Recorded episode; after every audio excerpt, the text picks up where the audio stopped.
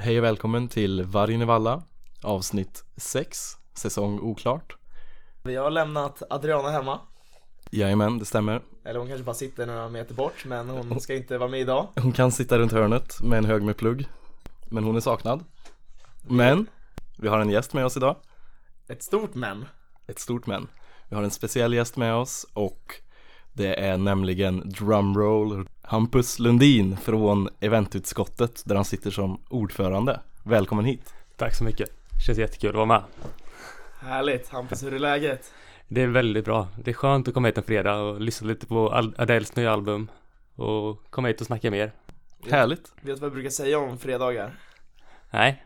Nej, solen brukar lysa Det gör den. Det gör det brukar idag. den. Det gör inte det idag. Det Vad betyder det? Ja, det är november. Det är november, usch Men Adele har ett nytt album Ja Är det bra? Det är väldigt typiskt Adele. Så lite deppigt men kul att lyssna på på morgonen så här. Kul att lyssna på på morgonen Komma in i rätt stämning. Novembermorgon-vibes liksom. Aj, aj, aj Ja, jag köper det alltså Nej men så att alla har koll liksom, vad, vad gör en eventordförande, en ha kul-ordförande i en så seriös förening som vår? Ja, eh, eventskott handlar om att eh, skapa interna event för alla aktiva medlemmar. Eh, så vi sköter en rad mängd eh, olika event eh, från stora, lite större event där det är sittningar, cykelfester och liknande. Och så har vi även lite små event eh, som kommer, som inte kommit än under terminen men som kommer lite längre fram. Som vi har lite sekretess på än så länge. Eh, men vi ska helt enkelt få ihop en bra sammanhållning, se till att alla aktiva medlemmar har det roligt under året. Det är jätteviktigt. Kan vara det viktigaste utskottet faktiskt Ja, Det blir lite som eh, Alltså det är den som får samhörigheten och liksom allting att gå ihop så att man har kul när man kommer hit så att folk ser fram emot mm, att verkligen gå på sina lunchmöten Ja. och skapa sitt värde Ja, verkligen. Annars blir det ju bara ett jobb i stort sett Ja, som man gör utanför studierna. Men får man med de här roliga sakerna också så blir det ju en, ett bra umgänge och en kul hobby att hålla, med, hålla Mm. på med istället. Mm, oj Nej, så men det- fint sagt alltså det är jättefint sagt. Men alla andra utskott, kul de med. Inte lika kul som event. Nej men Hampus fan, kul att ha dig här Det var, det blir vår andra gäst Efter Adam som var här tidigare Och då surrade vi ju lite Vad som kommer hända i BG under året och vad de kan förvänta sig och liknande Eh, Men idag ska vi mer ha kul eller? Det tycker jag verkligen. Det är min roll ändå i BG. Ja. Att ha kul med alla medlemmar. Så Skulle man kunna säga att du är ha kul-ansvarig i eh, BG? det tycker jag låter väldigt bra. Ja, det gör du bra också Ja, verkligen. Jag och Ola skrattar en hel del Och eh, det är också en hel del erfarenhet inom BG. Jag tror att du har nog mer erfarenhet än mig och Erik kombinerat inom föreningen. Kan det vara så? Kanske. Det, det, ja, det är nog gränsfall i alla fall. Ja. Eh, liknande. Jag är ändå inne på mitt tredje år. Mm. Eh, så vi har väldigt mycket erfarenhet av eventskottet. För Mm. jag har suttit hela tiden. Eh, Kul. Har du suttit längst i BG? Eh, nej, det, eller det är jag och eh, Frej eh, som sitter även i eventutskottet. Vi har suttit här i det tredje året tillsammans nu i eventutskottet. Så vi är de längst sittande just nu. Men Hampus, vad har du för relation till börsen då? Jag har haft ett långt intresse Ja, från att börja investera med min eh, farfar vid 13-14 års ålder. Eh, och sen eh, ja, tagit upp det själv eh, när jag fyllde 18. Och sen har jag investerat ja, sakta men lugnt. Eh, sakta låga, men lugnt Ja, lå, låga risker och sen har jag ökat riskerna på slutet. Eh, okej. Men, ja. Så jag har ändrat lite tidshorisonten men jag en bra relation till börsen tycker jag. Mm. Fan vad fint. Jo vi ska ju prata lite portfölj idag. Mm. Egentligen lite portföljstrategi och liknande. Eh, Vi har fått ett tips från en av er lyssnare faktiskt som vill lära sig mer om det. Mm. Så vi ska ta upp det och komma in på hur vi tänker. Och det är jättekul. Det var en förfrågan vi fick eh, live på campus, face to face. Så det funkar också. Om man ser oss så kan man ju komma fram och föreslå om det är något ämne man är sugen på. Då kommer folk få veta mer om Hampus eh, portfölj och hur han tänker. Och det vill jag veta i alla fall. Det vill jag också veta. Ja, Ja, men eh, fan hörni, ska vi dyka rätt in i det? jag tycker vi kör. Det låter bra.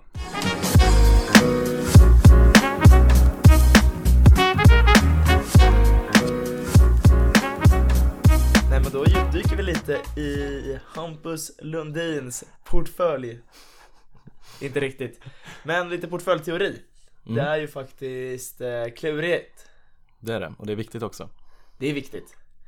Är det diversification eller diversification? Oh, Har ni hört det begreppet förut? faktiskt inte. Nej, det var helt nytt var det. Har ni inte det? Det var riktigt Inte hört dåligt också kändes det som. Var det ett dåligt begrepp? Nej, jag tycker det är ett bra begrepp. Lite, lite såhär dammigt. Ja, lite gammalt pappaskämt typ. Ja, men jag tror att det är Warren Buffett som kör. Är det det? Ja, Okej, så han är väl då- gammal och pappa. Ja. Så det stämmer nog. Det var en bra bedömning från oss då. Ja, nej men faktiskt. Så, Hampus, hur tänker du? Hur många bolag har du i en, i Eh, en aktieportfölj? jag brukar sitta med någonstans mellan 12 till 18. Brukar jag mest ligga runt 15. Eh, brukar jag. Plus lite fonder på det.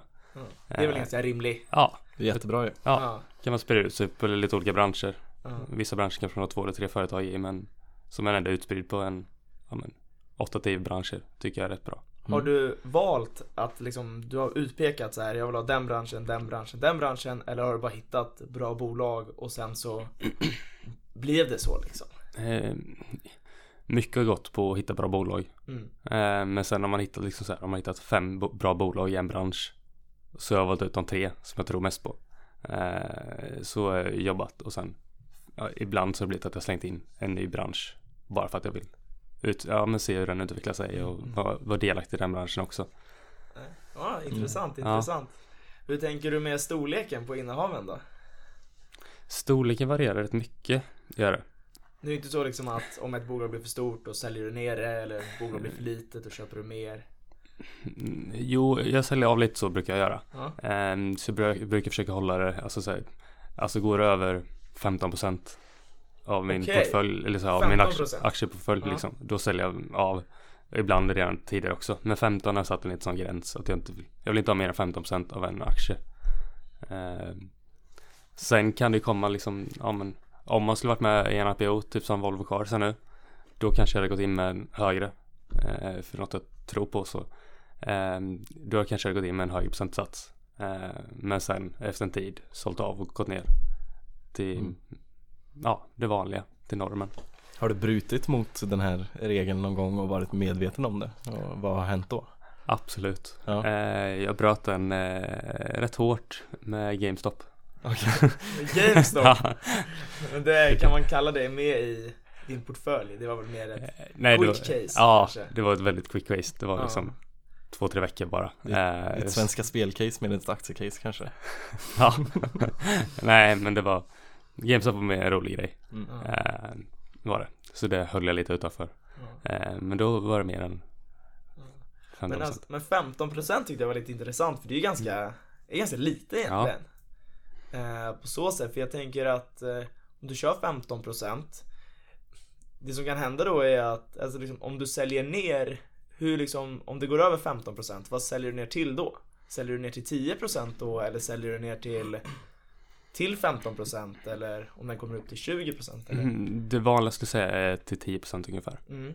Eh, vi hade, jag läste i portföljbörseri eh, under min finansmaster här under förra hösten. Just det, det är en bra kurs Ja, kanske. jättebra kurs. Mm. Och då fick vi också fram lite så här att man, när vi gjorde vår portfölj, eller olika portföljer, att någonstans 3-10% på per aktie liksom och sen sprida ut i flera bolag istället. Eh, gav bäst resultat om man ja, jämför med vilken risk vi tog. Jaha, Eh, fick vi fram. det då har vi ju facit. Mm. Ja, men sen beror det också på hur marknaden är såklart. Ja. Eh, då var det en väldigt volatil marknad under Ja. den tiden. Eh, som det har varit länge såklart. Men eh, eh, så man får ju se hur marknaden utvecklas också, också såklart. Mm. Ola, jag vet att du är ett fan av Winklevoss eh, The Twins. Vin- The Winklevoss Twins, Ja. jajamän. Ja. Vad säger de då? De säger att diversification is for people without conviction. Exakt! Eh, och det begreppet bör man ju kanske ta, som en ny, ta med en nypa salt. Eh, det är väl retweet-värdigt, men jag vet inte om man ska lyssna så mycket på det. Men det är kul. Mm. Eh, det, och det, det talar ju liksom för miljön på Twitter också kan jag tycka. Mm. Där man liksom slänger lite skit hit och dit och slänger, ut, slänger ur sig lite vad som helst bara för att det är kul. Det, det är ju ett väldigt bra sätt om man vill tjäna snabba pengar på kort sikt. Ja, Eller- eller, eller förlora pengar. Eller förlora sagt. pengar också. Eh, utan jag har ju haft mer taktik på lång sikt. Mm. Eh, sen jag började spara. Men eh, det, det sägs ju liksom om man ska, om man ska tänka lite ur pensionssparande eh, sammanhang på något Mm. sätt. Då sägs det att man ska ta högre risk när man är ung och sen smalna av risken över tid. Mm. Är det någonting som du också har tänkt på eller? Ja, absolut. Det blir lite en tidshorisont eh, såklart. Och jag har ju varit den sen jag började spara själv när jag var 18. Så har jag haft tidshorisonten tills att jag ska köpa min första lägenhet Mm. eller liknande. Mm. Eh, och då har det liksom varit att ja, men jag kanske kommer köpa den när jag är 23-24. Eh, och då har det varit liksom en 5-6 års horisont.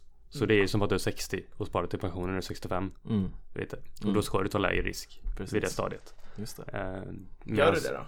Du är väl ändå 23-24 nu? Ja, men den är snart nu. Det är Mm. snart nu, Ja. men har du tagit lägre risk då? Men jag har haft hyfsat låg risk hela vägen. Okej, men jag tycker ändå att jag har flyttat över mer och mer. Alltså, jag visste att GameStop här under vintern, Ja. förra vintern, var lite hög risk. Men det var ett kort case också. Mm. Eh, men jag har också tagit bort några av de här lite högriskbolagen. Mm. Eh, gått in mer i fonder istället. Ja. Eh, för att sprida ut ännu mer. Ja. Eller investmentbolag. Mm.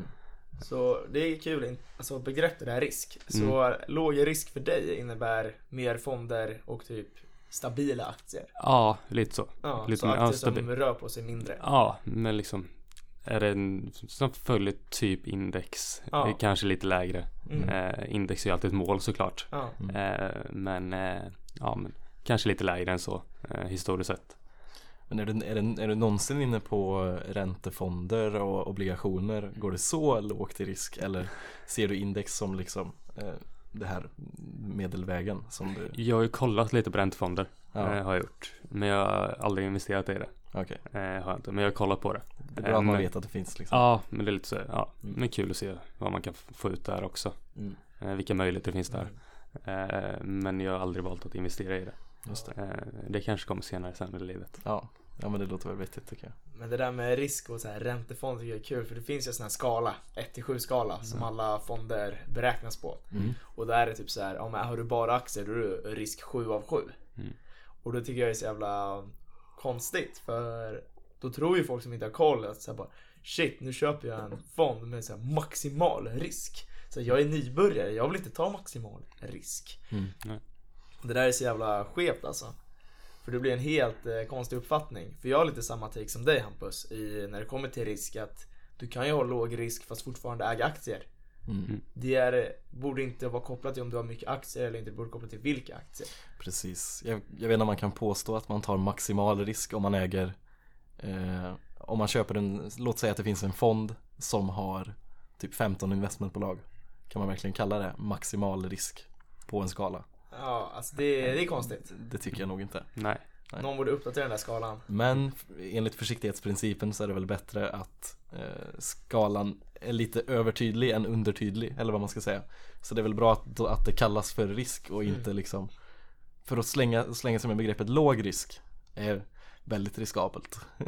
Ja, det, det stämmer faktiskt. Ja. Det stämmer, ja. Eh, Så att jag vet inte, man borde väl kanske ha någon typ av disclaimer att eh, här kan du läsa mer om vad det innebär. Det har man säkert också. Det är bara ingen som läser. Ja. Det är en annan diskussion. ja. Nej, men eh, om vi fortsätter där med diversification eller diversification. Eh, fortsätt, alltså är det enbart, typ såhär, jag tänker alternativa investeringar. Är det något så här, jag tänker typ om en motsvarande råvaror, kryptovalutor, sånt där. Är det någonting man ska ha i en portfölj för att diversifiera eller någonting som bara krydda eller Rå, eh, råvaror tycker jag kan vara väldigt bra. Mm, Liksom guld är ju en säker investering. mm, Mm. Eh, som bara ett exempel. ja. Eh, Och det är en hedge också. Ja, det är det också. Och Erik, vad innebär det att hedga? Hedga innebär att du liksom skyddar din portfölj. Så att du vill ha icke-korrelerande eh, tillgångar. Så exempelvis guld är väldigt bra nu, det kallas en inflationshedge. Så man brukar, det finns en ganska tydlig korre- korrelation att hög inflation så stiger guld i värde, i pris. Mm.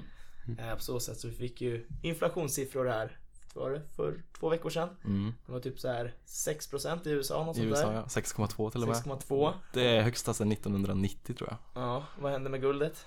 Eh, guldet går upp Guldet går och upp. pengarnas värde går ner. Pengarnas värde går ner. Och då får man en hedge där, så har man 50-50 då har ju pengarna, eller ens portfölj har ju bara minskat i värde. Om man har 50-50 likvida medel, eh, amerikanska dollar och guld, då har ju portföljens värde bara gått ner med kanske 3% eller noll om det är perfekt korrelation. Ja. Ja. Så det är, det är en hedge. Ja. Använder ni er av hedge i portföljen? Eller någonting ni tänker på? Man kan säga, på sätt och vis, vissa skulle nog påstå att jag har en valuta hedge eftersom att jag har lite krypto. Mm. Typ 8% kanske har jag av min portfölj är krypto. Och det är bitcoin och ethereum. Sen exakt vad man tycker om det, om jag skulle rekommendera eller inte har jag jättesvårt att kommentera. Men jag har det i alla fall. Du har följt eh, The Winklevoss. Stark conviction på 8%. ja, visst. Eh, nej men det, jag tycker det, det är spännande Ja. och eh, eh, det var ju betydligt mindre än 8% vid något tillfälle när jag väl köpte. Och jag kommer nog inte sälja på många år utan jag låter det ligga kvar. Mm. Och så får vi se vad, vad som händer. Men jag känner att jag vill ha med en häst i loppet i alla fall. Liksom. Det är väl min, Bra mitt sagt. resonemang. Ja. Mm. Nej. Jag har faktiskt en till punkt jag skulle vilja ta upp när vi pratar risk och portfölj. Så vi är alla överens om att man ska ha typ 15 bolag. Mm. Man ska sprida ut dem bland branscher. I alla Ja. fall man ska inte ha samma bransch. Guld eller metaller, krypto kan vara bra. Mm. Eh, bra som hedge eller vad man ska kalla det för att få flera hästar med i loppet. Ja. Men då skulle jag vilja ta upp en sak. Eh, För det är ju många som vill ha hög risk då i vår ålder. Det är ju, alltså ja, om man kollar portföljen så på polarna liksom. Det är ju mycket skit alltså. för att de vill ha hög avkastning. Och det kanske är en high risk, high reward. Mm. Men eh, då har jag ett tips. Som jag inte vet, som jag inte har kollat med någon av- med Ola om han tycker det är godkänt att jag tar upp det. Men det här eh, tycker jag. Eh, istället för att köpa skitbolag och hoppas på hög avkastning. Gör din analys, köp stabila bolag som du tror på på lång sikt och lägg in en belåning i portföljen Mhm. för att få hävstångseffekten därigenom för att maximera din avkastning. Mm. Det skulle jag säga är det bästa sättet att få hög avkastning utan att ta hög risk. Mm. Vad tycker ni kring det? Alltså en, en bred majoritet gör ju exakt likadant fast i bostadsmarknaden. Exakt. Eh, där så gott som alla har belåning. Och eh, ja, vad ska man säga om det? Man ska, eh, man ska väl aldrig säga åt någon annan att göra det. Men tar man det beslutet så får man ju vara övertygad om att det är rätt beslut själv. Helt enkelt. Mm. Eh, man kan säkert säga åt någon annan att göra det om, om man är Swedsec eh, certifierad. Vart var det här på väg? Det var på väg i att jag ville ta upp det med risk för att eh, alla vill ta risk. Varenda universitetsekonomstudent vill ju gå in och hitta de här minimala bolagen med maximal uppsida som ska ta över världen. Mm. Och det är väl jättekul. Ja, men också jättesvårt och eh, potentiellt ganska omöjligt. Potentiellt Mm. ganska omöjligt. Och då är hur jag har försökt lösa det eftersom Mm. jag också försökt hitta de här skitbolagen som ska till himlen. Insett att jag vet inte hur man gör. Mm. Att typ ingen vet hur man gör. Nej.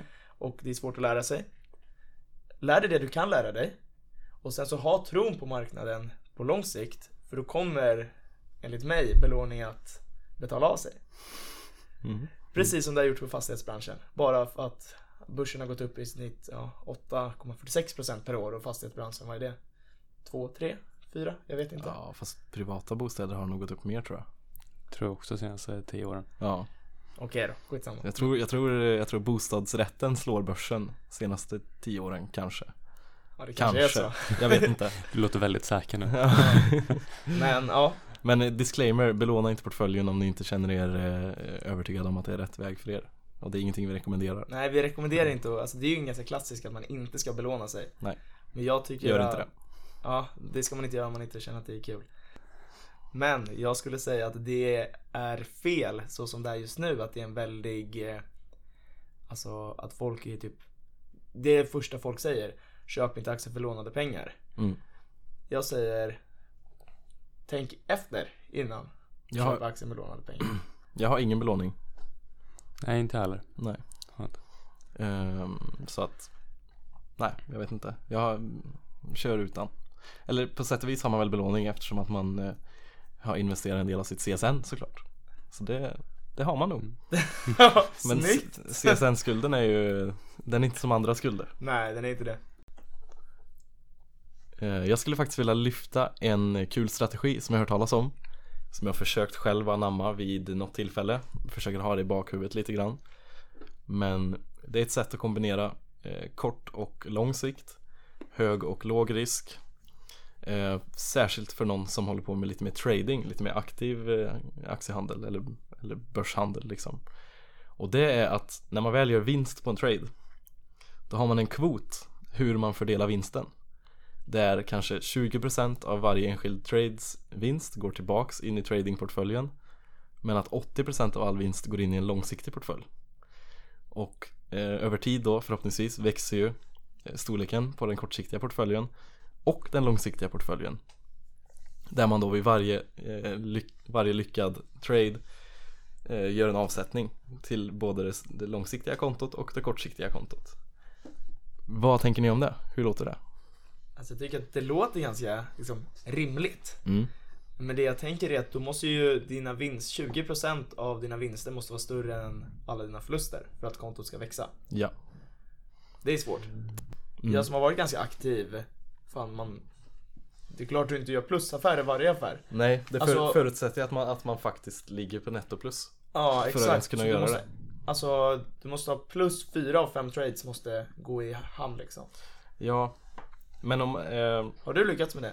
Principen är ju så här att man, man kan ju Tanken är att förlusterna ska liksom stanna på tradingkontot Mm. Och att när du väl gör en vinst Då skjuter du över lite av, en liten bit av det Mm. Så om du är en, om du är en dålig trader Kommer ditt tradingkonto bli mindre Ja. Sett till eh, beloppet. Men ditt långsiktiga konto påverkas inte. Så du har liksom en skyddsbuffer Mellan ditt långsiktiga sparande och dina eh, Dina kortsiktiga beslut. Eh, Och den kan ju vara ganska cool. Jag Men jag vet inte om det är smart. Jo men jag tror det kan vara smart för många för att eh, Det är ju väldigt alltså, lätt numera att bara skifta mellan konton höger vänster. Men så att du får det liksom svart på vitt att Det här tradar jag med. Mm. Det här gör jag med liksom mina snabba affärer eller mina quick trades. Det här handlar Hampus GameStop. Det gör jag inte med det här. Mm. Så typ. Och det är ganska Mm. bra för tydligheten. Så ja, Ja, bra alltså. Hålla två olika hinkar och så har man en förbestämd kvot hur mycket som ska eh, över till långsiktiga kontot och hur mycket som får stanna kvar. Och så, och så förhåller man sig till det. Men det svåraste kanske är att faktiskt göra det i praktiken och följa sina egna regler.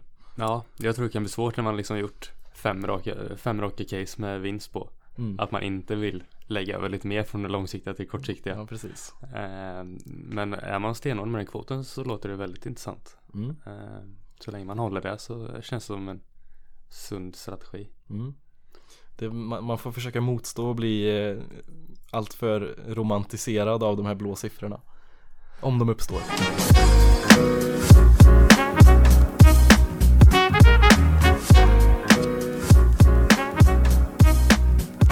Ännu ett avsnitt har börjat gå mot sitt slut.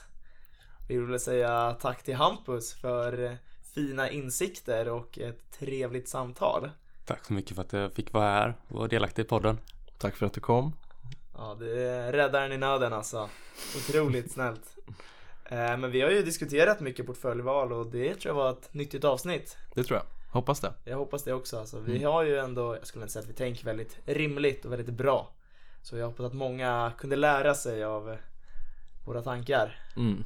Jag hoppas att det varit underhållande och eh, ja, att man lyssnar hela vägen till slutet. Ifall man hör det här, uppenbarligen. Uppenbarligen. Men med det så vill vi bara säga tack och vi hörs om två veckor igen. Då är vi tillbaka. Jajamän. Tack så mycket. Tack.